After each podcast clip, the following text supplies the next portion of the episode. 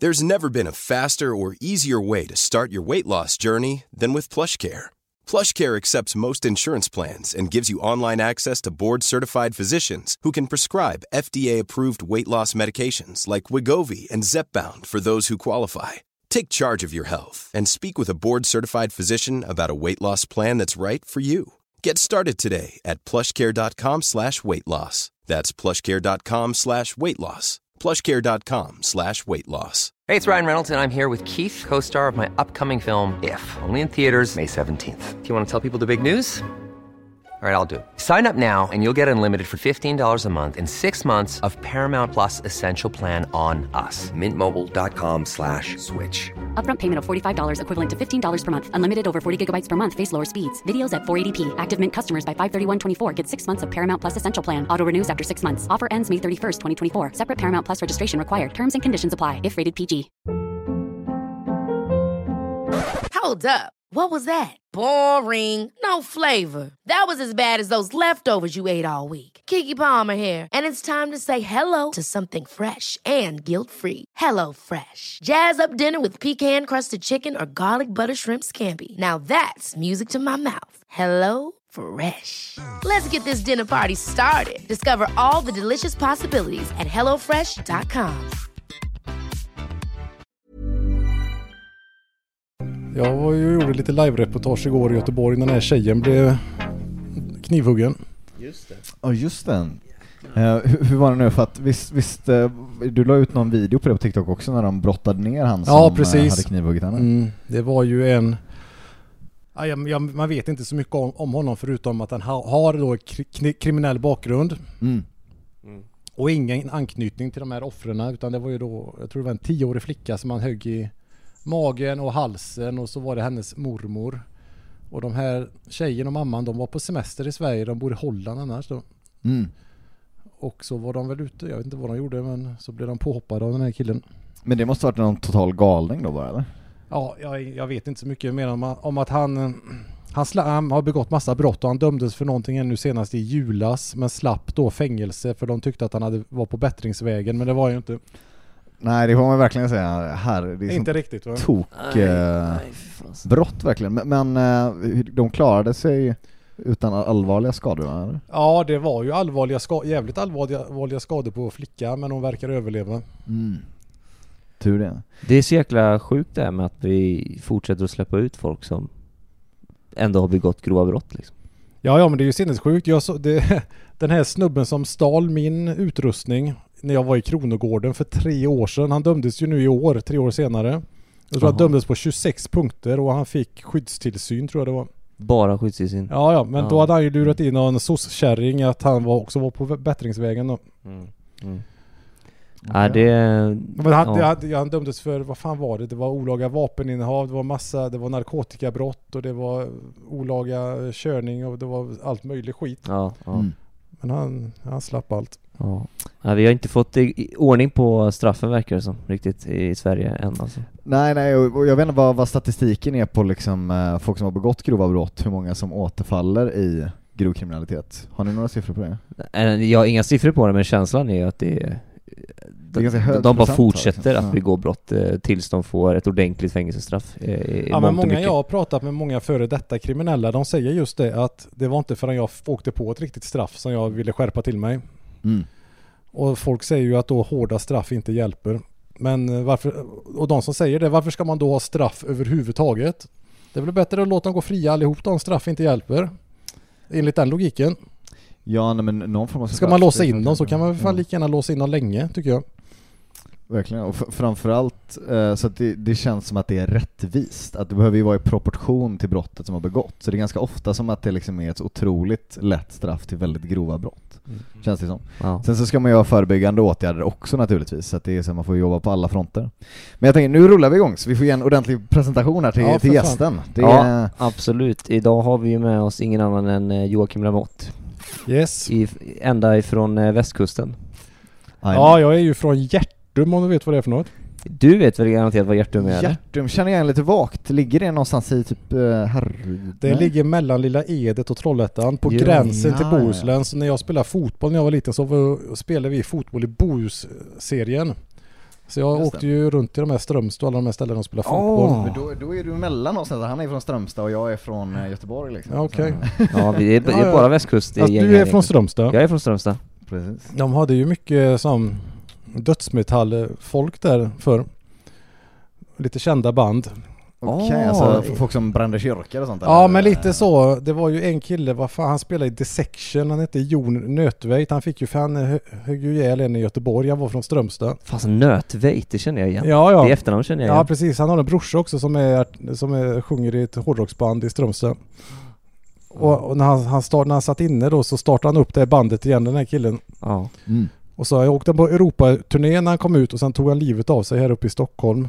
Han, gjorde sån där pentagram i lägenheten och så på något sätt tog livet av sig. Fasen. Mm. Han, kom till, han klarade inte av Stockholm helt enkelt. Nej, fy för fan. Ja det var därför att folk gick för fort i köerna, han bara det är lika bra att avsluta det här nu. Pentagram-självmord, fy Men fan. vad gör du i, i Stockholm nu då, förutom att du eh, är, är här och poddar med oss? Eh, jag ska ha lite möten och säga med lite folk. Jag ska ehm, ha ett möte med mitt förlag och så ska jag tänkte jag gå ut och träffa lite kompisar ikväll och Mm. lite så. Då kanske vi ses. Jag ska, jag ska jobba natt här hela kvällen. Ja, så för fan. Ja. Ja, då hoppas jag klarar mig från fyllecellen det, att det börjar så trevligt nu i podden, gripande Så- senare ikväll. Så veva på Stureplan vid ett-tiden. Precis, precis. Har du, har du varit i fyllecell någon gång? Nej, jag har faktiskt aldrig varit det. Men det har nog inte varit långt borta. Jag. Det måste jag säga för övrigt, alltså man ska ju passa sig för att veva med dig. Herregud, jag, jag kollade om din eh, match idag liksom Mm. med dialogiskt. Men nu har inte jag tränat på ett år så nu kan du veva hur mycket du vill. Okej, det är lite muskel... eh, För, vad heter det? Men det sitter väl i muskelminnet någonstans. Men det känns som, för jag, jag kikade liksom, du har riktigt bra sådana low kicks liksom. Ja, de är, mycket- de är bra. Low kicksen sitter. hur, hur mycket har du tränat och sådär i olika kampsporter? Eh, jag har ju tränat, när jag var liten så tränade jag judo då. Och det är ju det egentligen jag har tävlat i då mest. Det har jag ju tävlat i på ganska hög nivå. Okej. Men sen har jag ju tävlat, äh, tränat en hel del boxning. Och de senaste åren då även thaiboxning och så har jag kört MMA också. Det är en, verkligen en, en buffé av eh, olika kampsporter. Vad är det? Men du är mest judo då som du har tränat liksom? Ja, nu här har jag ju inte tränat det på jättelänge så nu Men eh, det är ju det som har gjort att jag har så mycket skador också. Varenda kroppsdel har jag ont i numera. Okej, det mycket koter och sådär eller? Ja, axlarna är kass och knäna och ryggen och allt. Nej det är, det är väl ett pris man får betala men det är ju fruktansvärt kul med kampsport liksom. Ja, ja, det är grymt kul. Det är, och fra, framför allt att tävla. Det finns ju ingenting som går upp mot det och ställa sig någon så man mot man, öga mot öga. Mm. Det går inte att jämföra med någon annan sport. Var, var det, är det liksom den största adrenalinkicken du har fått när du slogs med Viktor eller vad? Nej, det, var, det var faktiskt inte så mycket adrenalinkick. Jag är ganska cool i de lägena. Mm. Jag trodde jag skulle vara lite mer nervös än vad jag var, men det var... När jag går in i sånt där, jag är faktiskt ganska lugn. Jag tänker rationellt och så bara, det är som en, en uppgift som ska lösas. Mm. Jag hade ju mer adrenalin till exempel när jag stod i Kronogården och folk började slänga bangers på mig och, och det var alldeles för få poliser på plats. Då var det lite mer adrenalin.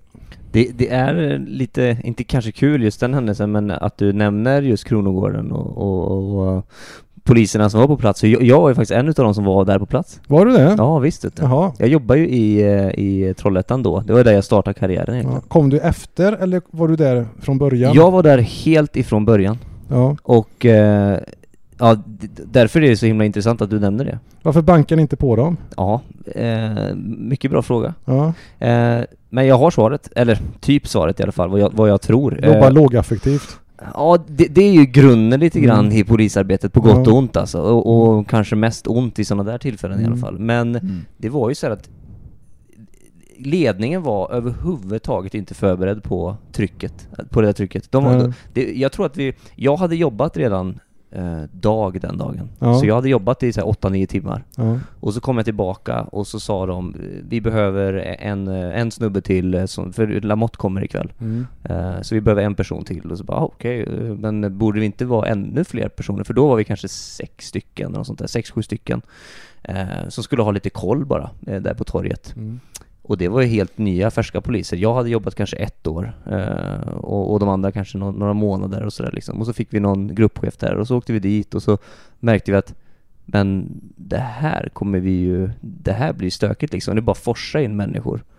Eh, och, och vi, Var det vi, liksom vi, hade- 100-200 pers på det här torget? Hur många Svårt att säga men alltså så här, vi var så otroligt oförberedda på det där. Eh, Så att Ja. vi inte snackar om det. Alltså, jag det kände ju det, jag åkte ju in då, jag såg ju hur mycket folk det var runt torget. Mm. Och så såg jag, fan det är ju nästan inga poliser där. Vad Fan, Mm. det borde inte vara lite mer, då har det ändå varit uppla, upplopp två dagar i rad innan. Mm, mm, mm. Jag tänkte vart fan är alla poliser? Men så tänkte jag, ja skitsamma, jag tänker inte, back, tänker inte backa. Så jag gör detta ändå då. Men det, hade, jag, hade det inte varit någon polis där, då hade de ju slagit ihjäl mig. Då hade jag säkert inte levt idag. Mm. Det tror jag inte. Eller vad tror du? Nej det hade du förmodligen inte. Nej. Alltså det var ett så jäkla speciellt, jag har aldrig varit med om något, något sånt. För vi fick, vi fick liksom stå med de få poliserna vi hade där och stå runt, jag vet inte om du har sett det, men liksom stå runt en ring runt Mm. eh, dig. Ja, ja, ni, ni försökte ju inte, de få poliserna ni var, försökte ni liksom cirkulera runt mig och så helt plötsligt så hände något där borta och så var jag själv och så kom det några och... Ja, nej det var så, så märkligt, jag menar i, i, idag, för sen senare fick jag också jobba eh, när du kom igen. Ja. Och då var det ju så här, då tog de in poliser ifrån hela ja men Sverige herregud, liksom. du vet, jag, andra gången jag kom tillbaks där det var, ju- vad, det var väl piketen och det var hästar och vad fan var det? Allt möjligt. Ja, det var drönare och Ja. jag tror att de hade en helikopter som var liksom standby liksom. Alltså det var så mycket poliser, piketpolis, alltså det, det var hur mycket som helst. Tänkte inte göra samma miss igen liksom. Nej, men då, Ja, men då, kom, då kom det ju inga, då kom ju inte de här dårarna. Men då visste Mm. de ju att de var i underläge. Mm. Hade de kommit då så hade de ju bara buntats ihop och Ja. kört sig iväg. Jag, jag tror att det var det vi Ja. vill. Vi vill ju alltid visa att vi kan hantera men, men just den gången var det så här, de var så många att eh, vi var nog lite såhär, den, den första polisen som hade gjort någonting, antingen så hade han hamnat i ett rejält underläge eller så hade det behövt att, att vi får skjuta oss Ja, ur situationen typ. Ja. Ja men det visste jag ju. För ja, hade ni börjat försöka gripa någon till exempel. Mm. Då hade, det, då, hade enda, då hade ni bara haft enda chansen att dra vapen sen. Ja. För, för då hade det blivit sånt jä... De hade inte stoppat de killarna. Nej. Och där är väl risken att man skjuter ju inte in i en folkmassa liksom för att man kan träffa andra och så att risken att någon oskyldig blir skadad är väl lite stor va? Att det... Alltså, det är klart att vi behöver ju anledningar för att skjuta någon liksom, så, så är det ju. Men eh, ja, alltså, det är som sagt, det fanns ju folk att gripa där liksom. Mm. Så, så var det ju. Men hade vi gjort då, då krävs det kanske två, tre poliser som försvinner ytterligare från den här Mm. redan tunna linjen som Ja, men ska ni, gri- skulle, om två, då krävs det kanske två, tre poliser för att gripa en person. Då var det inte så många poliser kvar sen. Nej, nej då, då var det tre kvar sen liksom. Ja. Så att vi, vi, det vi fick till oss liksom, det man väl hörde på radion, det var ju liksom att eh, förstärkning är på väg, förstärkning är på väg, men det kändes ju som att det var liksom 30 minuter bort. Det är inte så här som i Stockholm, som att det kommer på en minut liksom, utan det var så här man fick bara uthärda det där, försöka göra så att inte några, varken oss kollegor eller att du Mm. fick eh, stryk Men hur långt liksom. skulle det gått då tills ni, liksom, tills ni kanske drog vapen eller gjorde någonting? Du, det är en så, det är svår, svår fråga, men jag antar att eh, vi hade behövt att se att, eh, att de antingen får ner dig eller får ner eh, kollegor på backen och att de börjar sparka eller liksom att de visar knivar eller sådana här tillhyggen. Mm. Jag tror att, för nu var det mycket så här läte, alltså de skrek ju mycket och gapa och hota liksom. Mm. Ehm, så att jag tror det hade behövts det, Mm. så. Mm. Det som jag undrar, i den typen av situation som är fruktansvärt obehaglig liksom, eh, hur känner du så här, försöker du backa ur det eller försöker du ändå göra ditt jobb och att så här, det här blir rapportera liksom, vad, när, vad är avvägningen för att nu, nu är det risk för mitt liv liksom? Nej men, ja, det är ju så, nej, precis då, jag, som jag sa innan, jag försöker tänka rationellt i de lägena. Mm. Samtidigt, deras, de här killarna ville att jag skulle försvinna från platsen, att jag skulle sluta filma. Och det enda jag hade i huvudet var att de inte skulle få bestämma att jag skulle sluta filma. Mm. Jag har rätt som journalist att vara där. De, de här jävla gangstrarna, småskitarna, de ska inte få bestämma om en journalist ska få vara i deras område eller inte. Så jag, jag vill bara säga, jag vägrade sluta filma. Mm. Jag tror till och med poliserna frågade mig till och med så här, hur länge ska du hålla på? Jaha. Eh, och jag kommer inte ihåg vad jag sa men jag sa väl någonting om att jag tänker fortsätta här. Mm. Och sen visste jag ju också, hade jag stängt av filmen då hade, du, då hade ju bevisningen, för, alltså, så länge jag Mm. filmade så syntes ju vad som hände. Mm. Men du, du blev av med, med kameran där också, eller hur? Ja precis, de, eh, de tog ju min kamera då, det var den killen. Sen dömdes, han dömdes ju i år, tre år senare. Mm. Mm. Vad nu heter, en av de här dårarna i Kronogården. Mm. Men han dömdes på 26 punkter tror jag och slapp fängelsestraff. Var det där som merparten av materialet låg dessutom? Ja, det, Så att det- mer, materialet hade ju, jag sände ju live. Ja. Så detta låg ju ute då, så det var, så fanns ju sparat. Ja. Och som tur var så hade jag ju då en extra telefon med mig så när de snodde min telefon så fick jag ju upp den andra telefonen och raderade hela den som hade stulit. Mm. Ja, klokt, klokt. Nej, jag kommer ihåg, det var mycket samtal om just den händelsen länge i polishuset sen liksom att hur kunde vi inte varit mer förberedda? Hur kunde vi inte vara fler poliser och liksom varför eh, ja men lite så här, varför bankar vi inte ner de som höll på där liksom lite grann? Och det var fram och tillbaka var så här att ja, eh, summa summarum så var de väl hyfsat nöjda med att ingen blev allvarligt skadad. För det, kun- det var väl lite grann det, men, men det var ju dåligt skött alltså Mm. från polisens sida faktiskt den gången.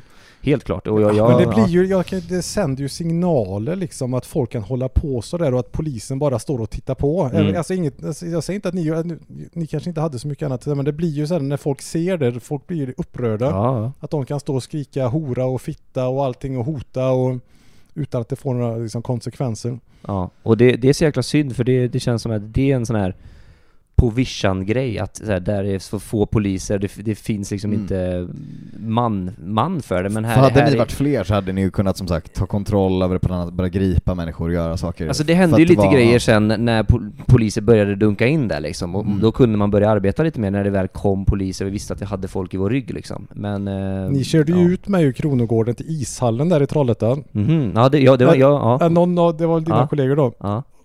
Och så eh, tog jag ju bilen då. Eh, Eller jag ringde min brorsa så lånade jag hans bil hem ner till Göteborg. Och när jag åkte då 45 ner till Göteborg mötte jag ju blåljus hela tiden på väg upp till Trollhättan. Mm. Jag tänker just eftersom du är med om den här typen av händelser ganska ofta och har varit liksom, eh, byggs det upp liksom så att det blir eh, ja, men någon, någon form av liksom PTSD efter många händelser, eller känns det liksom eh, hur kan, har du något sätt att rensa ut så att du kan återgå till att må bra eller så? Nej men just efter den händelsen då gick jag ju lite in i väggen. Mm. Och då tänkte jag men nu, nu ska jag bara ta och vila några veckor. Eh, Så jag tog några veckor där och så gick bara skogspromenader. Och sen kom covid Ja, ja. Och då var det ju två år av restriktioner. Just det. Lite mindre att rapportera då på ett sätt? Ja men då kunde jag ju inte vara jag kunde inte, man fick ju inte ha folksamlingar och sånt där och då kunde jag ju inte åka ut och rapportera heller på det sättet. Mm. Men samtidigt, du säger att det är ofta sånt har hänt då med mig men det är faktiskt inte så ofta det har hänt utan det här har ju Jag tror att detta är väl en av de få gånger det har hänt. De flesta gånger jag har varit ute och gjort den här typen av livesända reportage så har det ju inte hänt sånt. Nej. Utan då har det ju varit lugnt på platsen. Det kan ha varit upprörda känslor och mycket debatt och sådär men det har ju inte gått så långt. Nej för där var det ju hotfullt liksom. Ja, ja, och det var absolut. egentligen hela, man känner ju till hela det där gänget och alla ledargestalter, alla från gängen var ju där liksom mer eller mindre. Eh, Det roliga var ju att jag var ju några år tidigare åkte jag ut till, Troll, till Kronogården och gjorde ett live-reportage precis när man började kunna sända live. mm. Men då var det nästan ingen som såg på det för jag hade inga följare då. Så då stod jag där mitt i natten omringad av de här, av de här grabbarna. Och då var det, det var, då var det typ, det fanns det inga poliser som kunde hjälpa mig. Och det var inga, typ, ingen, Ja. nästan ingen som tittade på livesändningen så jag stod där Helt och utsatt, runt och hotade mig. Ah, Men så- herregud. Men sen kom det några killar som också jag förstod också var så här kriminella fast de var lite, de var lite schyssta så här. Så jag frågade om jag ville ha skjuts därifrån. Och, och jag, försöker rädda dig från de andra ja, och jag tänkte så här, liksom. antingen är det en fälla, antingen kommer de köra iväg mig och, och så här spöa skiten ur mig. Eller också kommer de hjälpa mig till min bil Mm. för jag kunde inte gå. Jag hade tag, jag, det var, då var det så jobbig situation Mm. så jag kunde inte gå f- från där jag var till min bil. Och de fattade väl det så jag tänkte nej, jag satsar allt på ett kort och så hoppar jag in i bilen. Det var ju som att hoppa in du vet i en coffeeshop i Amsterdam. Ja. Men så körde de mig genom hela Kronogården så till min bil och så kunde jag dra därifrån. Det var schysst. ja, det var ju schysst utav dem då i alla fall. Sicken gamble liksom. Att de, Men- ja. men- ja, men, men- vad speciellt, så speciell situation liksom. Ska Ja, jag välja det- det här kriminella gänget eller det här kriminella gänget? Ja. Uh, Okej, vi Ja men då var jag så, det är ju skillnad på, det vet ju du som jobbar som polis. Mm. Det är skillnad på kriminella och kriminella. Vissa Absolut. kanske håller på och säljer lite droger, röker lite eller vad de nu gör. Men ändå är inte de, de är inte de här psykopaterna. Och jag såg på dem att de är inte de här, visst de har väl sina grejer men de, de är, verkar inte vara så, de är inga psykopater eller farliga på det sättet. Mm. Mm. Det var fler psykopater då kanske när du var i Trollhättan och vi stod runt eh, en ring runt dig. Ja nu i efterhand så vet jag ju vilka många av dem Ja. var och det var ju de tyngsta kriminella där. Jo men det, det var ju det, och, och sen när du- försvann ju där, men det fortsatte ju för, för oss och du pratade om det här med bangers och raketer och sådär. Jag kommer ihåg liksom att eh, det är en av de här få gångerna man kommer ihåg från jobbet här, det, det var typ nära att man blev blind en gång mer eller mindre liksom. För att det, jag kommer ihåg att de, de började skjuta raketer, de började Mm. skjuta bangers på oss eh, och det var så otroligt nära ögat alltså. Riktigt Verkligen riktigt riktigt nära ögat alltså. Så Jag fick ju en raket som jag bara kände så Ja. Och så Mm. kan, jag har ju fortfarande dålig hörsel på ena högerörat efter en, bang, en banger. Aldrig varit så glad att du är nyrakad då liksom, Nej, att den precis. glider förbi. Ja. Fy fan. Ja, nej det var, det, så det fortsatte ju ett- bra tag där. Ja, ja, Tills jag det kom det. eh, resurser från Göteborg och liksom ordentliga eh, kravallpoliser som kunde hjälpa oss där. Liksom hundar och så, de är livrädda för hundar. Men eh, så det fortsatte ju ett jäkla bra tag där, Jag har hört att de använder den händelsen på polishögskolorna Mm. Som exempel. Det Jaha. var några som, ja, någon polis jag pratade med som hade, de hade tagit upp det. Hur de skulle arbeta i sådana situationer. Ja, ja nej för det, det blir ju fel på nä, nästan alla sätt. Eh, det, det var egentligen bara tur typ att det inte blev ännu värre, Mm. skulle jag säga. Vi är glada att ni är här idag i alla fall, får man säga. Att ni är klara båda två. Herregud. Ja. Men, men du säger liksom att det är inte så vanligt med den typen av hotbilder liksom i, i verkligen då, men är det mycket näthat och sånt fortfarande liksom, eller? Hur, hur Så ser här var det, jag bestämde mig för att ta en paus då för i juni förra året. Mm. För det hände lite grejer som, ja, de blev lite för jobbiga framförallt mot min familj då utan att gå in på detaljer. Mm. Eh, och så upplevde jag också att polisen inte utredde de här brotten. Att de sket Mm. i det. Jag- Varenda anmälan jag skickade in fick jag bara tillbaks med vändande post. Men efter, efter jag gick ut och deklarerade att nu slutar jag för jag köper inte att, ja, att polisen skiter i det här. Mm. Så blev det ju lite debatt om det där och Erik Nord var ute och uttalade sig och det hamnade i lite blåsväder och sa dumma knepiga saker. Sen var det lite som att det ändrade på sig för efter det så har jag haft bra kontakt med utredare inom polisen som hör av sig. Tre personer har dömts och det är flera utredningar på gång. Mm. Eh, Så nu här precis för en vecka sedan så bestämde jag mig för att dra igång en ju.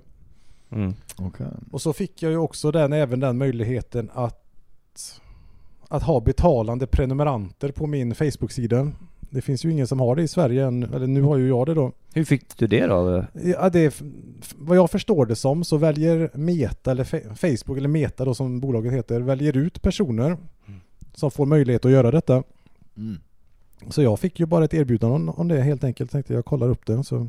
Så man, man blir liksom lite som en prenumerant då på ditt konto? Ja men då får man Som lösa en prenumerant då för en månadsavgift. Ja, okej. Okej, för det, det är Facebook som är ditt största medie? Ja det var ju det då. Du vet när jag körde igång, när var det? 2014. Då valde jag så här, vilken, vilken plattform ska jag bygga upp mig på? Mm. Och då hade de, de flesta körde Instagram. Alla kändisar körde Instagram. Samtidigt var Facebook var det absolut folkligaste då. Det Mm. som var Mm. absolut störst. Mm. Men det var inte vanligt att folk liksom influencers och sånt använde ju inte Facebook då. Men jag bestämde att jag skulle bygga upp en stor Facebook-sida för att där hade jag möjlighet att göra videoreportage, livesändningar och sånt. Det fanns ju eh, jag tror inte man kunde göra det på Instagram då. Känns som att den lite äldre publiken är ju med på Facebook Ja liksom, precis. och de yngre är de på yngre TikTok är ju och inte sådär. där. Ja men och så nu har ju det gått mer åt att ja det är mest de äldre som, som är på Facebook. Och de yngre kör TikTok och Instagram. Mm. Men när, när du livestreamar nu för tiden, livesänder du i alla kanaler samtidigt då? Nej. Nej jag har bara kört på Facebook. Kör bara Men Facebook? sen har jag ju sett att Mm. mina grejer har ju fått stor spridning i de andra kanalerna också. Mm. För att folk tar de klippen då och delar. Men om, om man ser på din liksom karriär som helhet, känns det liksom värt det igen nu då om man ser så, att ta problemen som kan uppkomma liksom för att, att jobba vidare? Ja, vi får väl se lite vad som händer där nu. Men jag upplever att det finns att jag har mer uppbackning från polisen nu än vad jag hade förr. Mm. Och ja, äh, vi får se helt enkelt. Och så har jag pratat igenom det med min familj och min fru tycker att det är bra om jag gör det här. Och hon vet, jag saknar ju det så fruktansvärt mycket. Det kliar ju i fingrarna på mig. Mm. När, de här, all, när det händer saker i samhället, det drar igång debatter, då vill ju jag, jag vill ju vara där. Jag vill ju åka till de här ställena där det händer saker. Jag vill vara och debattera, jag vill vara så och göra reportage, ringa upp och ställa folk mot väggen. Och, du vet, det, jag, jag, det som driver mig är ju liksom att jag, jag, ser, jag tycker att jag ser så mycket problem i samhället som folk inte tar på allvar. Och det stör mig nog så fruktansvärt mycket och då upplever jag att jag har en plattform, jag har en möjlighet då med, ja, med mitt yrke att kunna göra någon slags liten skillnad i alla fall. Va- varför tror du folk, för jag har sett på många utav dina reportage egentligen, som du har spelat in, var, varför tror du folk blir så eh, arga och hatiska liksom? Ja, de, de vet nog inte ens själva det alltid. Utan igen, det enda jag har gjort är ju sagt som det är. Det var, nu börjar ju övriga media hänga på lite. Debattklimatet i Sverige har ju svängt de senaste åren. Mm. Men 2014, 2015 då var ju den allra största debatten, det var ju migrationen till Sverige. För det, I och med den flyktingkrisen som var då. Mm. Eh, och traditionella medier så var man så rädd för att prata om att det fanns vissa problem med det här. Visst, och jag, och jag kände så här, men visst det är klart man ska hjälpa människor och så här. Men man kan ju, alltså som journalister så kan vi ju inte strunta i att berätta om de problemen som finns. Det alltså det är ju jättemycket problem som om man nu tar emot hundratusentals människor på ett år. Var, alltså det är ju flera nya svenska städer som kommer in i Sverige. Var ska alla de här människorna bo någonstans? Hur, ska- hur ska de få jobb? Hur ska de få utbildning? Hur ska de få lära sig svenska? Och så kommer det dessutom då de flesta som kommer vara män. Mm. Och, då så, och många av dem kunde ju inte sköta sig i Sverige. De hade kommit från länder där man inte hade sett du vet, man har ju inte sett en naken kvinna knappt på vykort. Utan det, och Och vi så, var ju inte förberedda på kulturkrocken här heller. nej, men så liksom, att kommer man, liksom så kommer man då till Sverige Mm. där var och varannan högstadietjej går i kortkort och magtröja. Magtröja. Och jag var, jag var också ute och föreläste under den här tiden på svenska skolor. Mm. Så jag såg ju detta då och och dessutom de här männen då som hade ljugit om sin ålder. Ibland kom jag till skolor och så trodde att, och så började jag prata med någon som jag trodde var en lärare. Nej men då var det hen som gick i nian. Men vänta Mm. Lite nu, du- så, lite Nej, men vänta. tillväxthormon i kroppen. Ja men vänta du är för fan i, du är för fan i min ålder, du går ju inte nian. Ska du sitta här då med i en klass med massa högstadietjejer? För om, om, om man strongarmar liksom argumentet för varför man tar emot då enligt med folk så kan man säga att det är, här, det är bättre att det blir problem i Sverige än att de dör i ett annat land, om man säger så. Men det som var det konstiga med den här situationen var att man förnekade att det blev problem överhuvudtaget. För att oav, även om man säger så här, okej det får bli problem i Sverige, men det är bättre än att de dör, så är det så här, det var som att nej det är inga problem alls, vi har infrastrukturen för att lösa det här. Alltså, det, det var så blint liksom. Ja, men, det det, men, det jag ifrågasatte ju då Ja. var, men okej, men vi ska hjälpa då människor till exempel från Afghanistan. Mm. Afghanistan är världens farligaste land för kvinnor. Men 98% av de som kom hit var män, medan kvinnorna var kvar. Hade vi inte, ska vi inte hjälpa de som det, det är mest synd om i så fall? Som är mest utsatta där nu. Mm. För det blir ju, det blir ju extra mycket problem när de här männen kom. Mm. Och det såg vi ju då under några år. Det har ju inte lugnat sig speciellt mycket nu, men det var ju väldigt mycket då. Nu börjar de, de här eh, männen då från Syrien och Afghanistan hitta någon slags plats kanske i samhället. Men under några år så drev de ju runt vind för våg på gatorna och det var gruppvåldtäkter och det var förnedringsrån och sådär. Mm. Men det var man inte så sugen på att alltså, berätta om. Och, grej, och grejen var att problemet med svenska journalister idag det är att de bara berättar delar av sanningen. Och, och, säg att det sker då ett förnedringsrån här Mm. och så är det då fem nyanlända afghaner som har begått det förnedringsrånet. I alla andra länder så berättar journalisterna så här att nu har det kommit några nyanlända afghaner här och gjort si och så. Men i Sverige så berättar man inte det. Man berättar vad som hänt men man utelämnar så här vilka som har gjort det. Varför gör man så tror du? Ja, för man är rädd att bli kallad rasist. Helt enkelt. Och då, och då, och då kanske jag, då skillnaden jag gjorde var att, så, var att jag berättade, ja, nu har vi förnedringsrån här och en gruppvåldtäkt. Och det är fem nyanlända män från Afghanistan som har gjort det. Mm. Och då blev folk vansinniga på mig. Men så kan du inte säga. Men jag är journalist, jag ska berätta sanningen. Mm. Vad fan, det är väl ni som gör fel då som inte berättar den hela bilden? Ja, men det har ingen betydelse att då säger de att vilken etnicitet de har. Jo men det är klart det har betydelse.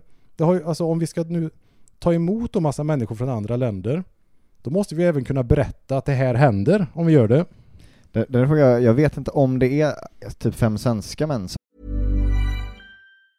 There's never been a faster or easier way to start your weight loss journey than with PlushCare. PlushCare accepts most insurance plans and gives you online access to board-certified physicians who can prescribe FDA-approved weight loss medications like Wigovi and Zepbound for those who qualify. Take charge of your health and speak with a board-certified physician about a weight loss plan that's right for you. Get started today at plushcare.com slash weight loss. That's plushcare.com slash weight loss. plushcare.com slash weight loss. Hold up. What was that? Boring. No flavor. That was as bad as those leftovers you ate all week. Kiki Palmer here, and it's time to say hello to something fresh and guilt-free. Hello Fresh. Jazz up dinner with pecan-crusted chicken or garlic butter shrimp scampi. Now that's music to my mouth. Hello Fresh. Let's get this dinner party started. Discover all the delicious possibilities at hellofresh.com. Går det, rapporterar man det också? Eller säger man bara att det var fem män då? Nej men me- media brukar ju alltid rapportera att det är svenska män även, om det, ut, det. även om det är utländska män. Då säger man det också, okej. Ja men det var ju sådär gruppvåldtäkten på för några år sedan på den här Finlandsfärjan. Då var det ju om det var sex somalier som var misstänkta. Då rapporterade ju varenda svensk media att sex svenska män hade begått en gruppvåldtäkt. Och de var ju inte ens medborgare i Sverige. Mm. Mhm. Nej men det, och det är klart, alltså det är ju sant och det är relevant information. Det är väl frågan som folk drar är så här, var gränsen för relevant information går typ. Så här. Men vill man Eh, inte... om det är mer man ska berätta också, men, men etnicitet och sånt där, och det är ju superrelevant, särskilt om det är trender då väl, eller? Jag kan ju tycka att det är som- sanningen är ju bra. Alltså om det är så som eh, Joakim säger till exempel att de skriver ja men det är fem svenska män och om de då inte är svenskar till exempel, då, då ljuger de ju. Och de ljuger ju också på ett sätt om man bara hittar på eller tar med den infon som man Mm. känner för och liksom så här att man inte Ja men, ja men är det afghaner, somalier eller vad det nu är liksom, då får man ju... Jag, jag vill gärna läsa en artikel där man skriver hela sanningen, så mycket information som man kan få ge Det liksom. är ju det- där, det är ja. därför alternativmedia har, blev så stort då. För att folk, alltså folk är inte dumma, de vill ju veta. Vilka var det nu som har, och säga att det händer i en stad där man bor, kanske inte så stor stad, då vill man ju veta vilka som har gjort det här. Och så berättar inte då SVT eller Sveriges Radio det. Är klart, då går man in på fria tider. Ja, ja, men här har vi dem. Så nu vet vi det. Men förstår ni vad jag menar? För att det där är ju relevant information, men vad drar man gränser för om man börjar säga så här, ja, de har storlek 42 på skorna eller de har så här, då är man ute och svajar liksom, för det är Ja. ingen som bryr sig om det. Så vad, vad går gränsen för relevant information? Ja, men jag kan, jag kan ändå tycka att härkomst är väl ändå rätt så intressant. Ja, men jag tänker att det ger ju, alltså det ger ju, det handlar ju om den större bilden. Om man då har personer som kommer till Sverige och begår brott, då, då handlar det om att de här brotten hade inte skett ifall de inte hade fått asyl eller ifall vi inte tagit emot dem. Uh, det är ju lite... väl skett på plats där de kommer ifrån annars kanske? Jo, men då kan Ja. man ju åka dit och rapportera om det. Men Mm. det handlar ju lite om hur, sam, om hur samhället, att rapportera om hur samhället förändras. Mm. Men, men är din upplevelse att den typen av brott har minskat nu eller? Nej, nu kom det ju en rapport bara nu i veckan som visar att den typen av grova brott kommer öka de närmsta tre åren. Mm. Det, det, det, var, det var ju fem myndigheter som skrev en rapport nu då till regeringen som visade att grova brott som eh, våldtäkter och rån och mord kommer öka de närmsta tre åren enligt den prognosen. Mm. Så det verkar väl inte, det pekar ju inte på att det går åt rätt håll. Ja, vad, vad tycker du om utvecklingen eh, som vi har nu? Eller man kan väl kanske bara tycka en sak, jag säga, men vad, vad tror du det beror på, den utvecklingen som vi har just nu i, i Sverige med alla skjutningar och sprängningar och... Ja men jag tror alltså till största delen så be- beror det på att vi har tagit emot alldeles för mycket invandrare som vi inte har kunnat hantera. Vi har misslyckats helt och hållet med integrationen. Om Sverige inte hade tagit emot så många, då hade, alltså då hade man kunnat lösa, då hade, då hade, tar, tar man emot vad, vad nu lagom mängd är, Mm då kan man lösa det, då kan man integrera människor, då kan folk få jobb, då behöver de inte hamna i utanförskap och bo i Rinkeby och inte lära sig ett ord svenska. Men tar man emot, om man skapar då de här utanför, alltså utanförskapssamhällena där människor lever helt utanför det svenska samhället. Alltså då är det som bäddat för problem och så man, har liksom, man har vägrat att se det. Och det är ju, jag, är, jag anser att det är ett jättestort svek.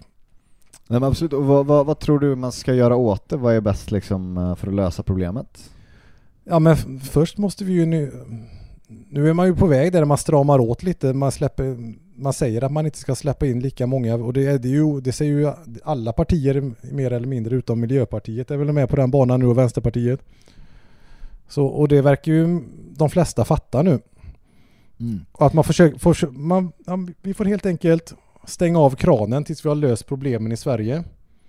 Och sen får vi väl se hur det ser ut framöver. Men Ja, nej, för, för det är just den grejen som att jag, ty jag tycker att folk är lite dåliga på att hålla isär olika frågor, för man kan liksom vara för eller emot invandring generellt. Men oavsett om man är det, så måste man se att den invandringen som har skett har, har skapat stora problem och man måste lösa dem först liksom. Folk måste integreras och man måste få saker att funka och sänka liksom gängvåldet och sådär. Så det är, det är konstigt att det det, det tog ju många, många, många år innan politikerna erkände detta. Mm. Stefan Löfven blev ju pressad i många år. Jag tror det var 2021 så gick han ut då och sa att, ja, men, att ja, men invandringen har haft påverkan på kriminaliteten. Mm. En, en, tidigare så hade han, hade han helt och hållet förnekat det. Ja, nej, det, det är någon form av liksom, ja, för, verkligen som förnekelse. Är det för att ha liksom save face? Nej, men det, var en mass, liksom- det har varit en Mass- masspsykos under många, många år. Folk har velat, vad ska man säga, folk har velat göra gott och det, det är klart att man vill göra gott och man vill hjälpa människor. Men om konsekvensen blir att folk i Sverige råkar illa ut, att kvinnor blir gruppvåldtagna eller att folk blir pissade och förnedringsrånade, då anser Mm. jag att det inte är värt det. Ja, det är ett väldigt högt pris att betala får man säga. Um, på tal om liknande så här bara och, och, och se om din upplevelse är detsamma. Eh, när man träffar folk ibland så kan jag uppleva att du vet, det finns folk i, i innerstaden som tycker de har rätt åsikter liksom, att man så här, som har väldigt goda rätt åsikter. Och sen kan man ha folk, ibland lite mer på landet och sådär, som kanske har mer, ja men kanske främlingsfientliga åsikter eller sådär. Men när det väl kommer till kritan, typ när det har kommit liksom en massa syrier och sådär, så är det de som liksom har varit mer fientligt inställda som tar in dem i sina hem och hjälper dem. Medan alla de här innerstadsmänniskorna liksom som har rätt åsikter, de lyfter inte ett finger. Ja men det har ju, det har ju sånt. gjort sådana undersökningar. Det Ja. visar ju att de här på i, Södermalm och sådär i Stockholm och Hornstull, där är man minst benägen att hjälpa. det Ja men det är sant. Ja. Och samtidigt är det flest som röstar på Miljöpartiet och Vänstern och Fi där. Mm. Men och, och jag, jag tycker jag hjälper jättegärna flyktingar. Jag, när, under det här 2015 då samlade jag ihop massa barnvagnar och kläder och barnkläder och åkte till flyktingförläggningen i Kållered där jag bor. Men det är Mm. inget jag står och skryter om på Facebook eller Instagram. Det, det blir något jävla godhetsposerande som jag, jag har svårt för det. Det, Nej, det, det- det, ja. Jag har känslan lite grann av att du, mycket utav det du har sagt i, i många, många år är det som folk och kanske till och med politiker också säger idag. Hur, hur känns det liksom att, eh, att så mycket skit och hat ändå som du har fått ta eh, och, och, och sen, sen har du egentligen bara sagt det som alla säger idag liksom? Hur, hur, Ja, de grejerna jag säger, det, då var det kontroversiellt, men nu är det ju på allas tunga. mm. Nu, och hur det känns, ja... Mm. Jag, jag, för jag, jag, alltså jag går ju inte runt och är långsint på det sättet, men däremot tycker jag att det är ett jäkla svek för det är så många som blivit drabbade av det här.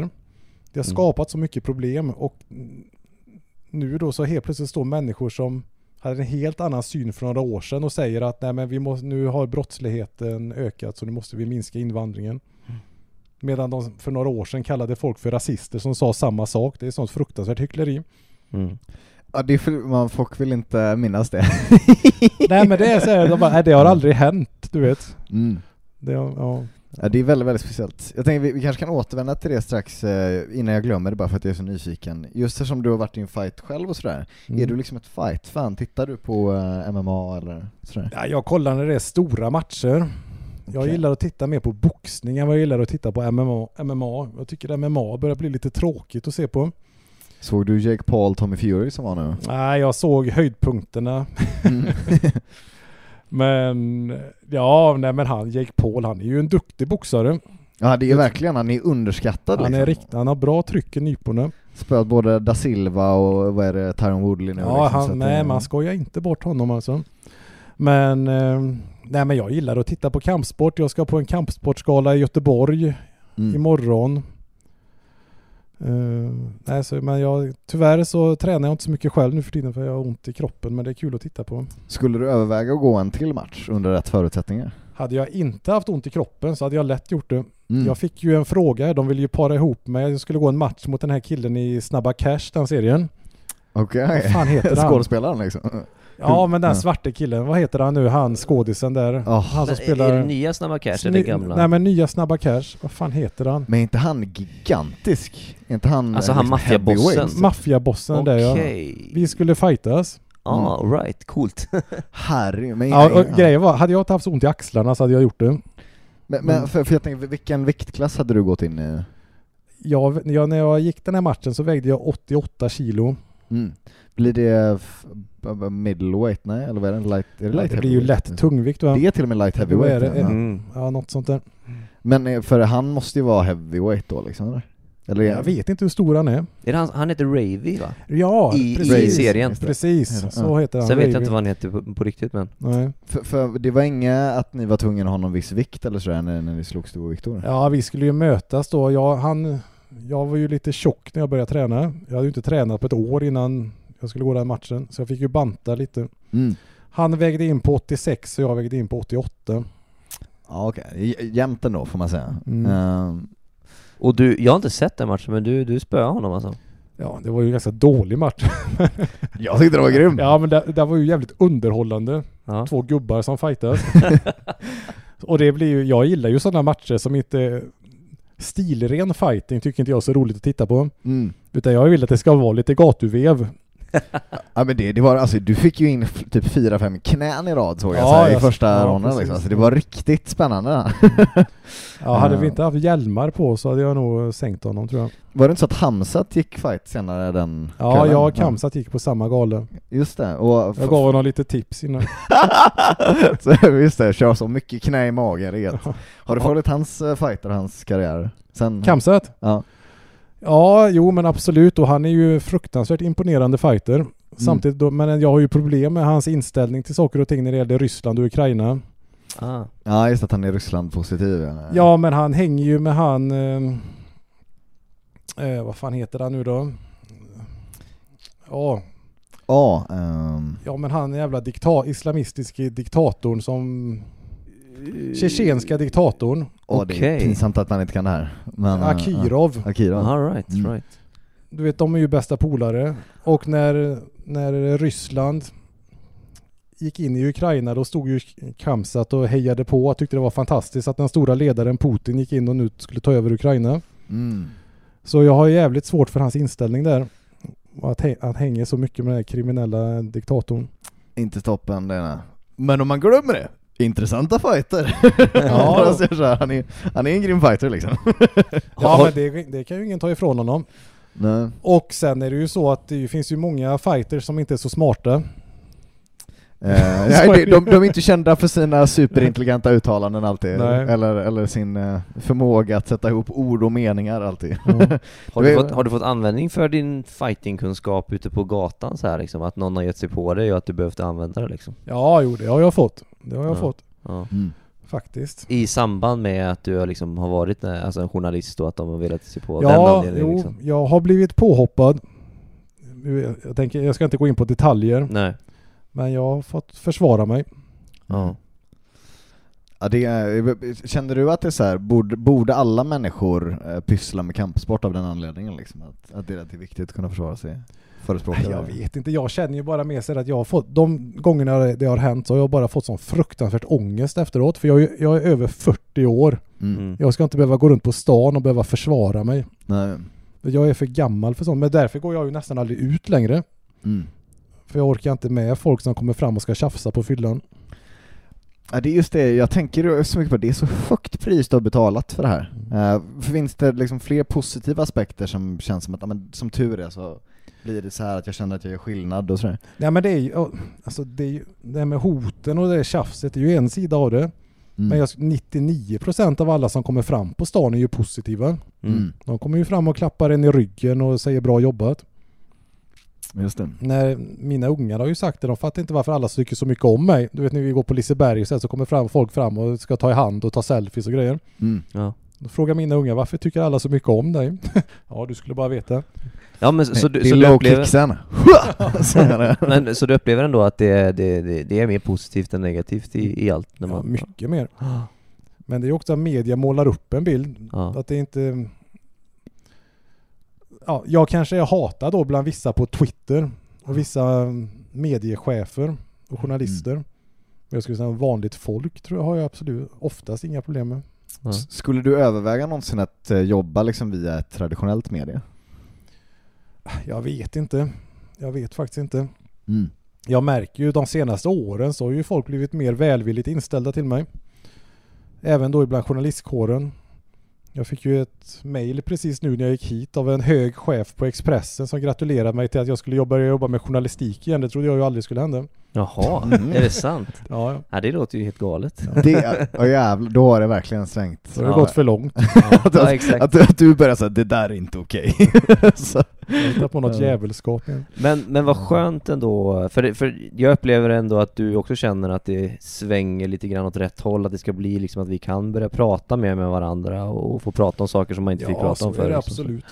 Ja, för det, då undrar jag, vad är din puls på liksom, hur tycker du att debattklimatet generellt sett är nu i, i, i samhället? Jämfört med förr. då. Och kanske jämfört med fem år tillbaka. Det är lite mer nyktert nu än vad det var för några år sedan. Men min stora spaning nu är ju att den stora frågan de närmsta åren kommer vara islams roll i Sverige. Mm. Det tror jag kommer bli den stora frågan. Vi har alltså en stor befolkning som är muslimer idag. Som egentligen inte har någon Ja, de känner ingen, ingen riktig tillhörighet i det svenska samhället. De kan inte identifiera sig med några politiska partier riktigt. Och jag har ju egentligen bara gått och väntat på att det ska komma ett parti då som Ja, som tar deras, som tar deras intressen. Nu har det ju kommit ett parti som heter Nyans Mm. Mm. som fick eh, ja, visst, jag var helt övertygad om att det skulle gå bra för dem i valet och det gick ganska bra för dem och många blev förvånade. Eh, nu tror inte jag att han, den partiledaren, är den som kommer då ena Sveriges muslimer. Men någon gång kommer det komma en, någon person som lyckas ena de här människorna. Eh, och jag, ja, jag vet inte vad det kommer leda till, men jag tror att vi kommer få se någon gång i framtiden ett, ett parti som blir ja, som har mer islam på agendan. För vi har så många muslimer i Sverige idag Mm. som inte känner att de tillhör något annat. Och sen har vi det här med koranbränningen och och det, det, är, och det är en stor debatt utomlands att Sverige då är på något sätt islamfientligt. Eh, och är, Sverige har ju hamnat under luppen här då. I, I Finland och Norge har man ju inte den, man har inte så många muslimer i Norge och Finland. Mm. Och så, nej och så där har det inte liksom Jag tror säkert att folk skulle När han Paludan bränner Koranen i Danmark till exempel Då händer det inte så jävla mycket Nej, Men- de, är, de är lite vana liksom, och de är Ja men de, halvfulla de, de, danskarna också. ja, men de, ja men de har inte så många muslimer som blir så förbannade Mm. Men i Sverige har, har vi liksom de här stora områdena med så många människor som känner att de inte är lyssnade på, som lever i utanförskap, som bara liksom känner att de blir I deras värld så känner ju de att de blir tokpissade på Mm. Ja, för, för det är väl det alltså, eh, eftersom regeringen har fuckat upp där och liksom inte, alltså den gamla, och in, inte lyckats integrera eh, folk och inte skapa vettiga förutsättningar så är det klart att någon som redan är svinfrustrerad och hatar sitt liv liksom, och som sen blir pissad på på det sättet, det är klart att det Mm. kommer kunna vara droppen som får bägaren att rinna över liksom. Att man inte ser det problemet i förväg. Alltså det tror jag kommer vara det största problemet. Eller Ja. den största utmaningen att, att, att lösa det. Att hitta då islams roll i det svenska samhället. För Det, det blir... det är, eh, nå, det är någonting som bubblar där under ytan. Det, vi, det känns som att vi bara blir mer och mer eh, segregerade någonstans. Alltså vi bara särar, alltså det, det, som du var inne på lite grann förut det här med folk som bor på, vid Hornstull liksom och sådär, de vill inte, de vill gärna eh, rösta fint och de ska vara fina och sådär men de vill inte ha med, med invandrare att göra egentligen och man, vill- man vill liksom hålla sig borta ifrån dem, alltså vi, så här, vi, vi, vi blir jäkligt segregerade känns som, ett segregerat land liksom. På jag- många plan. Ja men så är det ju. Och, ehm, fol- folk som har pengar flyttar ju ifrån problemen. Mm. Ja just det, för det, Ja, det är men lite så är det och jag vet ju att jag bor ju, jag bor ju i ett traditionellt svenskt villaområde utanför Göteborg. Mm. Mm. Men det, och, men det bor också även då en hel del, ganska mycket invandrarfamiljer där, men som Mm. har flyttat, som har ja, skaffat hy, hyggliga jobb och flyttat från Biskops, Biskopsgården och Angered och de här ställena. För att de känner att vi vill, vi vill bo i ett svenskt område, vi, Mm. våra barn ska växa upp i ett svenskt område och sådär. Men problemet är ju att alla kan ju inte göra det. Nej, då, då blir det ju värre och värre. Nej, nej men ma- liksom. majoriteten kommer ju bli kvar i de här utanförskapsområdena. Ja. Mm. Mm. Så ehm, På, på tal om, vi snackade lite grann om, ja men när vi är inne på islam och sådär som vi var förut, vad, eh, Koranen, ska, ska man få bränna den i Sverige? Vad tycker du? absolut, det tycker jag om man vill det. det Är, är det fel av polisen nu som eh, förbjuder, eh, har förbjudit de senaste koranbränningarna? Jag vet inte, jag kan, det är svårt att gå in på detaljer. Det handlar ju också om att kunna garantera säkerhet och sådana här saker. Mm. Men principiellt så tycker jag att man ska kunna få bränna en sagobok i Sverige. Mm. För det är ju enligt mig vad det är. Det är bara liksom Det är papper med en perm runt. Och om folk, folk, om folk är riktigt troende muslimer då ska de kunna hantera en sak så. Det ska inte rubba deras tro att någon tjomme från Danmark står och bränner deras Koranen. Nej. Då har man en väldigt svag tro. Det kan väl alltid vara det dubbla att det är så här. man borde få göra det men det är lite onödigt. alltså, det är lite hetsigt. Ja, jag, Så skulle inte, det- jag skulle ju inte gå och ställa mig och bränna Koranen. Mm. Jag finner ju inget värde att jag skulle göra äh, så. Men Nej, samtidigt ja. är det, det är ju viktigt. Yttrandefriheten är ju det viktigaste vi har och vi förstår inte hur yt, viktig yttrandefriheten är förrän vi blir av med den. Mm. Nej, och där, där funderade jag alltid på, för det är nämligen yttrandefrihet att få säga vad som helst, men det här är någon form av handling typ. Eller så vad, ska det ändå ingå att man får, för det är väl så här, det är klart att du får, om du är hemma, det är klart att då får du bränna vilken bok du vill för du är hemma, men när du är på allmän plats, man får väl inte upp, alltså man får inte starta en eld på en allmän plats väl liksom? Så det Nej men då är det ju för, mot eldningsförbudet eller nedskräpning och sånt där man kan rycka på. Ja, nej det är inte Men det som en längre. symbolhandling, det, alltså för hon, det är ju ett sätt vad jag förstår det för honom då att protestera mot islam. För att han inte gillar den religionen. Det måste man ju få protestera mot en religion om man vill det. Mm. Jag tycker man, man har rätt att bränna bibeln också. Mm. Ja men det borde vara samma för alla De naturligtvis. kan få bränna min bok hur mycket de vill nu när jag släpper den här efter sommaren. Vad heter det? Vad, vad heter den boken då? Nej, Som- som ja, den, namnet är inte klart än men jag ska Okej. släppa den efter sommaren i alla fall. Är det första boken, eller har du släppt någon innan också? Nej, jag har aldrig släppt någon bok. Så det är första boken som kommer nu? Ja, Vad kommer den handla om då? det handlar om de, de senaste två decennierna och eh, mitt, ja, mitt jobb som journalist under 20 år och samhällsutvecklingen under den tiden. Mm. Hur länge har du jobbat med den här boken? Eh, Ja, det är ett halvår ungefär. Ja. Okej. Mm. Och den kom, vad sa du, efter sommaren? Ja, jag hopp, det ska komma någon gång efter sommaren. Jag ska prata med mitt förlag här nästa vecka så får vi se vad de säger. Ja, just det. Men den är i princip färdigskriven. Jag ska bara gå igenom den och sådär och bearbeta.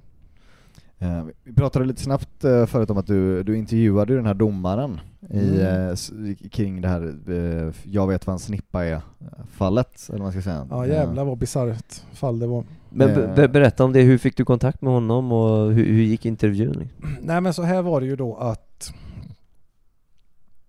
Ja, det har ju varit veckans största nyhet. Mm. Absolut. Inga kategorier. Och det, det om man pratar om mig som journalist. Många journalister gillar, jag ibland är jag ju först med saker och många vänder sig till mig istället för att vända sig till traditionella medier. Mm. Den här mamman som råkade, vars dotter råkade ut för detta. Istället för att ringa till, tradition, ringa till Aftonbladet eller Sveriges Radio så ringde hon till mig. Mm. Så jag var ju den enda som publicerade en alltså, inspelad intervju med henne. Vilket gjorde att jag började, ja, jag ville börja följa det fallet. Mm. Och så försökte jag få tag på domarna som la locket på. De hade tackat nej till massa intervjuer. Det var ju då, ja det var ju fler, ett par rådmän som det heter, domare och så var det nämndemän. Och då luskade jag ut då hemnumret till en av de här domarna. Äh, Nämndemännen eller själva domaren? domaren då. Ja, okej, okej. ja. Eh, för jag ville ju spela in honom. Jag ville, jag ville intervjua honom och spela in honom och höra vad han hade att säga om detta. Mm. Så jag, jag ringde upp fyra stycken med samma namn som honom innan och ställde Mm. dem mot väggen. Som inte hade något som. Att de är såhär, va? Vem, Ja, då- va? Vad är det som händer? Då- det jag- måste varit den mest förvirrande dagen i jag, deras jag ringde upp, ja, men jag, ring, jag ringde upp Lars Arvidsson, flera personer som heter Lars Arvidsson. Mm, Som är bonde eller något liksom. Jag är Ja, men, men, men, men på chans så ja, jag är Joakim Lamotte här, journalist. Jag har en fråga om det här fallet där du satt och dömde med det, i det här pedofilmålet.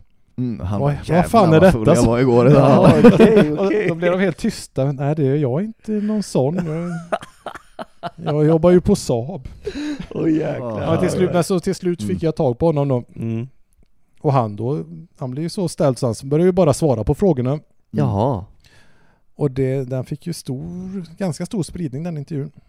För, för som jag vill minnas ungefär att, att eh, du avslutade väl med frågan att om man hade använt begreppet eh, typ vagina istället, eller vad var det exakt du sa? Ja men den här tjejen, när hon beskrev det då, Ja. då berättade han att han hade stoppat in fingret i snippan. Mm. Och då tyckte de som satt och dömde, som menade att snippan bara var det yttre då av könsorganet. Mm. Även fast då den här tjejen hade sagt att hon- att han stoppade in fingret långt in. Men hade, då frågade jag sig, hade hon sagt slida eller vagina istället? Slida, just det. Hade, hade han blivit fälld då? Ja, han hade blivit fälld då, säger han ungefär då. Den här Alltså att han hade kunnat få ett annat utfall i alla, Ja. fall. Och, och det är liksom det som han har tänkt att så absurt kan det inte vara, det kan inte Nej, vara bara precis. semantik. Men jo, det var det. Det Ja. var så sjukt att det bara var ordet liksom.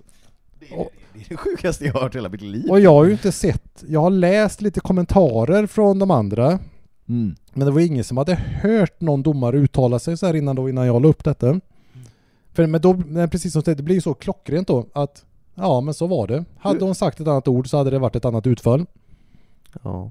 Undrar om det där ärendet kommer gå till eh, Högsta domstolen, så att det liksom för, för nu har det blivit så medialt eh, stort liksom, så att det känns ju nästan som ett, Men å andra sidan så, man är lite orolig för att eh, Högsta domstolen tar ju sällan upp ärenden Nej, överhuvudtaget de tar liksom. sällan upp ärenden. Och det ska, ju, ett, det ska ju inte spela någon roll att ett ärende blir medialt ifall de ska, de ska, det ska ju Högsta domstolen inte ta hänsyn till. Nej.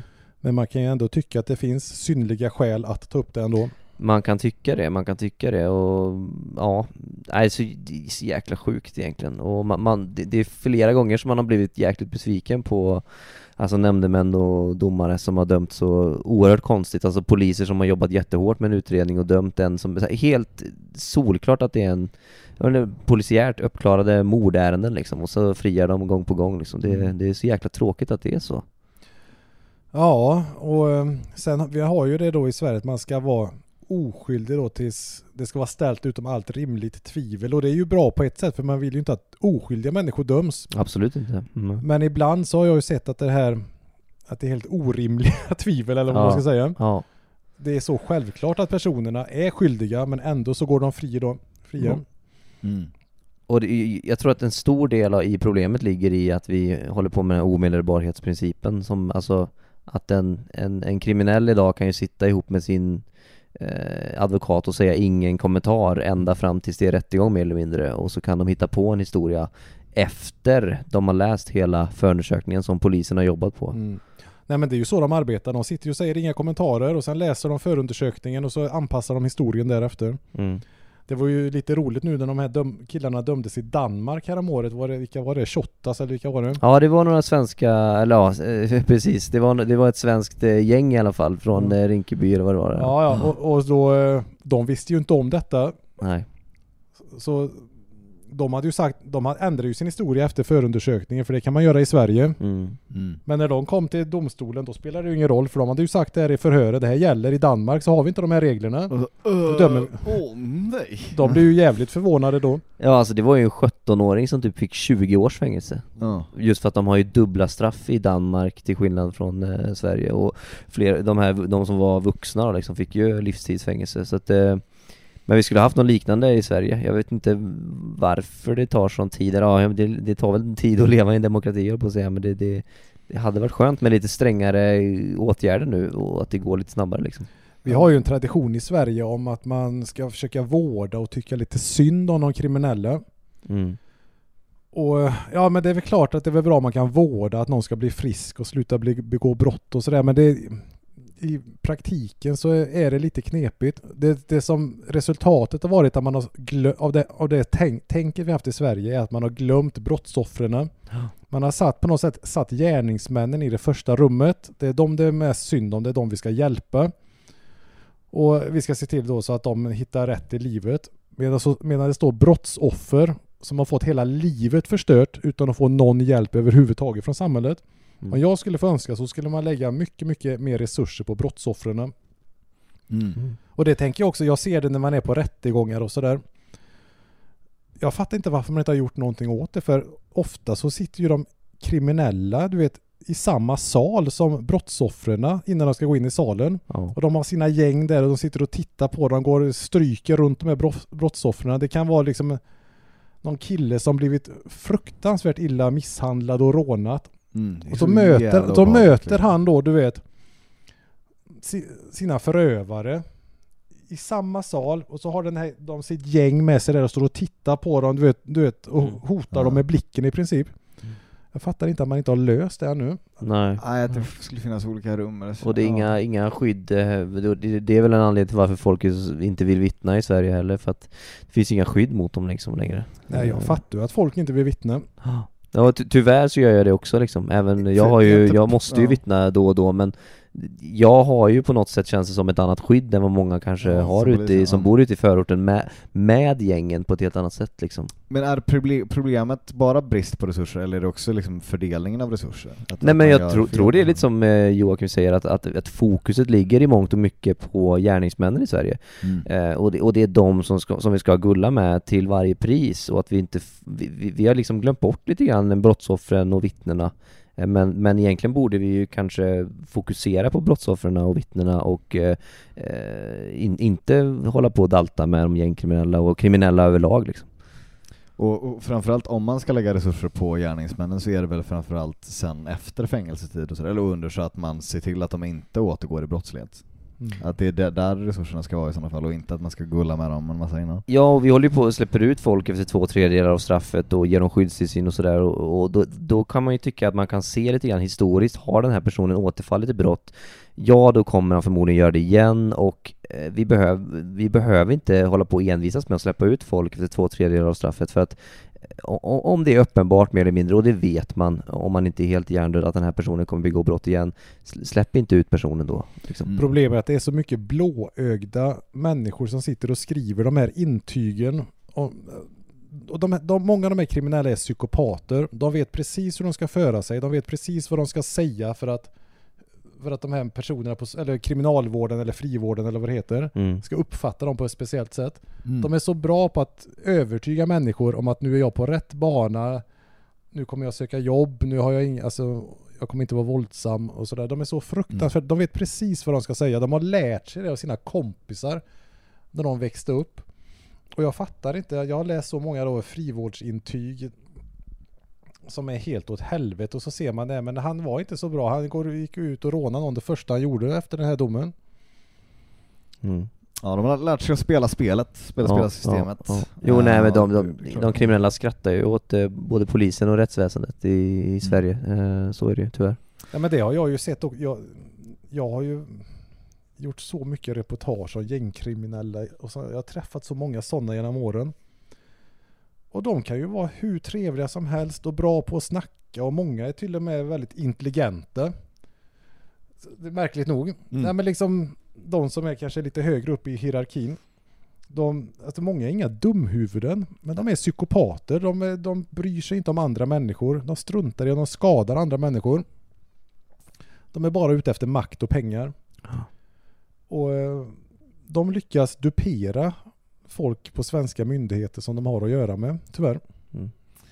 Du, eh, vad har du för eh, ta- tankar nu med, du ska ju börja med journalistiken igen här, ska du, eh, har du tänkt att köra samma grej? Att du åker ut till olika orter där det har varit lite stökigt och sådär och kör liksom att du filmar och kör live-reportage eller kommer du göra på ett annat sätt nu? Vi får se lite här. Jag, är, jag kommer åka ut och göra livesändningar.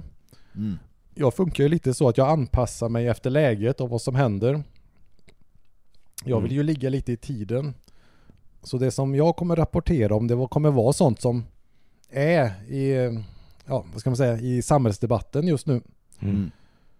Så jag, jag, gillar, jag gillar ju liksom att känna av så här, vilka frågor är heta just nu och så vill jag ligga rätt då. Det. Där. Ja. Jag, det. jag, jag såg, eh, bara på, på vägen hit nu skulle jag gå in och, jag, jag, så googlade jag dig lite grann och då, då såg jag att, eh, att du hade blivit dömd för förtal. Var det någon Precis. av de här gångerna som du hade varit ute och filmat då? Som, Nej, nej, eller? det, har- det har ju med en annan sak att göra. Det var ju... Eh, jag granskade en person som fick pengar av svenska staten eh, för att jobba med massa olika projekt Okej. och sitta som expert i tv och så här och prata om moral och etik och sådär. Ja. Men sen visade det sig att han hade en kriminell bakgrund själv. Han hade bland annat plågat ihjäl djur och var dömd för att ha betalat, han hade blåst folk på pengar och massa saker. Mm. Och då Mm. berättade jag om det här. Då sk- Okej. Jag skrev om det Okej. och det fick jag inte göra. Ah, för du, du, ja, men du nämnde namn och så eller? Ja precis, Ah. men jag, han, det var efter att han var med som debattör i SVT till exempel. Mm. Då skrev jag så här, kan man inte hitta en bättre representant för detta än en person som är, har gjort det här och det här och det här? Men det är frågan om du bara lägger fram egentligen bevis som finns där ute, vad, hur tar de här för förtal då? Ja, för Nej, att, men- I Sverige så kan du dömas för förtal oavsett om det är sant eller inte sant. sanningen alltså, spelar ja. ingen roll. Okej, utan det, det handlar om intentionen på något sätt eller att... Ja, eller alltså, det nej, men betyder det spelar typ- ingen roll. Ja. Ja. Utpeka någon som brottslig eller klandervärd så ska man dömas för förtal. Ebba Busch dömdes för förtal. Mm. Men om hon- någon är brottsling? Ja, ja men, jo, men hon berättade ju det. Det var ju den här mannens då advokat, eller juridisk Mm. ombud. Hon sa att han är ju dömd för eh, sexualbrott mot barn, vilket han var. Mm. Ja, förtal. Det är ju speciellt alltså. För jag tänker att det borde ju snarast vara att om du anklagar någon för brott som de inte har begått, Ja. det är förtal. Så det, det är väldigt konstig lagstiftning Ja, alltså. ja men, och det är väldigt unikt. Hade det, detta varit i ett annat land så hade jag aldrig blivit dömd. För de flesta andra Mm. länder tar man hänsyn till sanningen. Men i Ja. Sverige gör man inte det. I USA så är det väl ändå så att du, du döms väl om det är, om, om du säger något som inte är sant?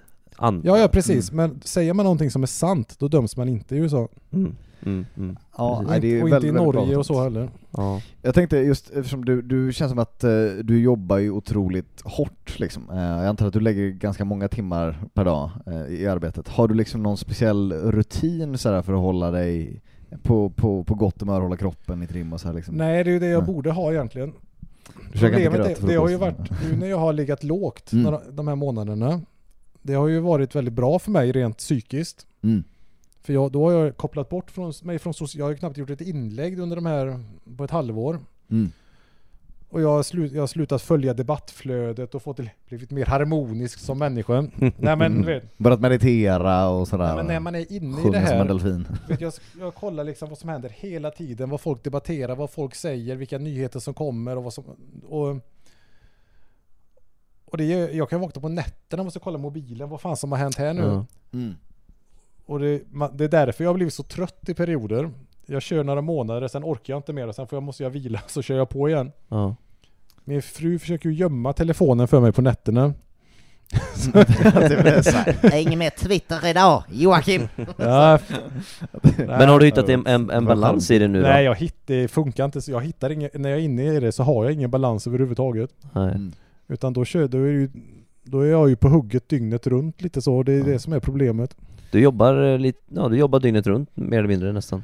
Nej men inte jobbar men jag, jag är inne i det här, hela det här flowet hela tiden. Det här tänket att nu ska jag vara, liksom, vara med när saker och ting händer och ska jag skriva Ja. något här eller ska jag svara på det eller vad säger den personen och kan man, vad kan man hitta för vinklar och Mm. kan jag Det ringa upp är lite den? gött också att alltid liksom få Jo, men det är- sig in i det ordentligt liksom, få lite Jag, flow. äls, jag älskar ju det fast det blir också Mm. om man inte kan Om man inte har någon spärr att man, jag, har ingen, Mm. jag har lite svårt för att backa bort från det och bara koppla av Det är väl det som är mitt problem Just det. Nej, men vad, det, du, du har liksom ingen sån grej att du går upp klockan nio på morgonen, käkar gröt och går ut och springer? Nej men så? jo, jo, jag har ju rutin. Jag går upp 06.30 varje morgon. Skickar iväg, Mm. ger ungarna mat, skickar iväg dem till skolan, går en lång promenad med hunden. Och sen sätter jag mig och jobbar. Okej. Är det, gäller det även på helger och sådär? Det är super... Liksom, Nej, helger Nej, helger helger. Ja, Det är heligt. fan.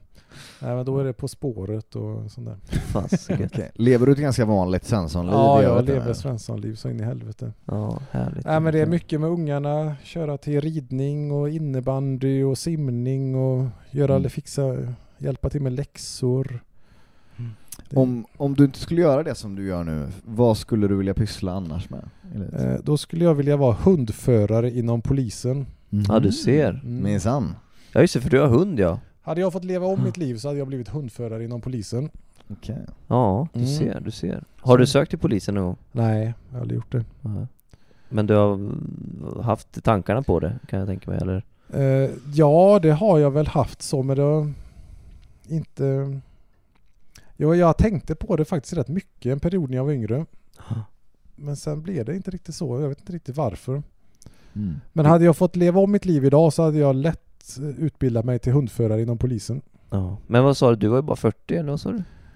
Nej, jag fyller, Gott 40, om jag fyller var. 45 i år. Det är helt sinnessjukt. Det måste vara fel i någon bo- folkbokföringen eller något. Vi hade ju en, eh, vi hade en, en aspirant på polisen här för, för förra gången tror jag. Han var, han var liksom inte ens klar polis, han var 58. Nej. Han hade alltid velat bli polis, så han sadlade om och så kom han in och så var han liksom 58 år, då var han inte ens klar. Ja, ja, men det kanske är något jag kanske ska sadla om då. Du får, det, det är ju alltid en tanke man kan ha i alla fall. Mm. Det går ju att kombinera Men du jobb. vet, jag känner att jag börjar bli lite för gammal för att springa på gatan och haffa busar. Men du kan utreda brott som jag Ja, gör lite ja, då och då. så- ja, det skulle man Sitta kunna. där och skriva lite goda protokoll Jag har ju en kompis som, var, som jag jobbar ihop med på Uppdrag granskning som var reporter och producent på Uppdrag granskning som sen sadlade om till utredare inom polisen. Ja, Och det är ju en av de bästa utredaren de haft där. ja är det sant? Okej, ja. Ja men tänk han är ju, var ju en av Sveriges bästa grävjournalister. ja. Mm. Och så går han över till att utreda brott inom polisen. Ja. Det behövs jättebra utredare och, och jag kan tänka mig, har man jobbat på Uppdrag granskning då har man ju verkligen varit inne på djupet och grävt och hållit på så att skitbra med liksom motiverade och intresserade utredare. För vi har en del trötta utredare också såklart. Jo det har jag stött på några genom åren. jag tänka. Du kommer in och skaka liv i grejerna. Men eh, fasen eh, Joakim, eh, det känns som att eh, vi ska inte dra ut på hela din eh, kväll Nej, och jag ska, ska jag ska till jobbet också och jobba natt här snart. Fan. Men du kommer hålla till i city eller? Ja Så jag absolut. vet var jag inte ska vara. Då kör jag inte Vart ska du vara? Så jag vet att, vart, vart jag ska vara. Ja, det är oklart. Ja, ja. men eh, stort tack för att du kom. Finns det någonting du vill plugga? V- Vart ska man Var följa följer dig? man dig och sådär? Nej men följ mig Ja. på Facebook framförallt. Nu har jag startat ett TikTok-konto också här om veckan. Det var ju roligt. Just det. Jag får ju Jaha. inte ha det egentligen för mina ungar. Jaha. Ja, du får inte dansa på TikTok, det får du inte göra. Nej, jag, sa, jag, har sagt, jag har sagt att jag måste faktiskt ha ett TikTok-konto nu så jag har övertalat ungarna om att jag ska få ha ett. Men nu Ja. tycker de att det är jättepinsamt för nu har deras kompisar sett mig där. Aj Du kommer bli mycket större än vad deras vänner är och vad de är och sådär också. Ja. Ja. Ja. Det kan du skryta med sen alla följare. Jag kan tänka mig att mycket av dina grejer kommer gå bra på Tickilitok. Ja, vi får väl se vad som Ja. händer. Men, ja, men följ Joakim om ni vill där på TikTok och Instagram och Facebook framförallt där då kanske.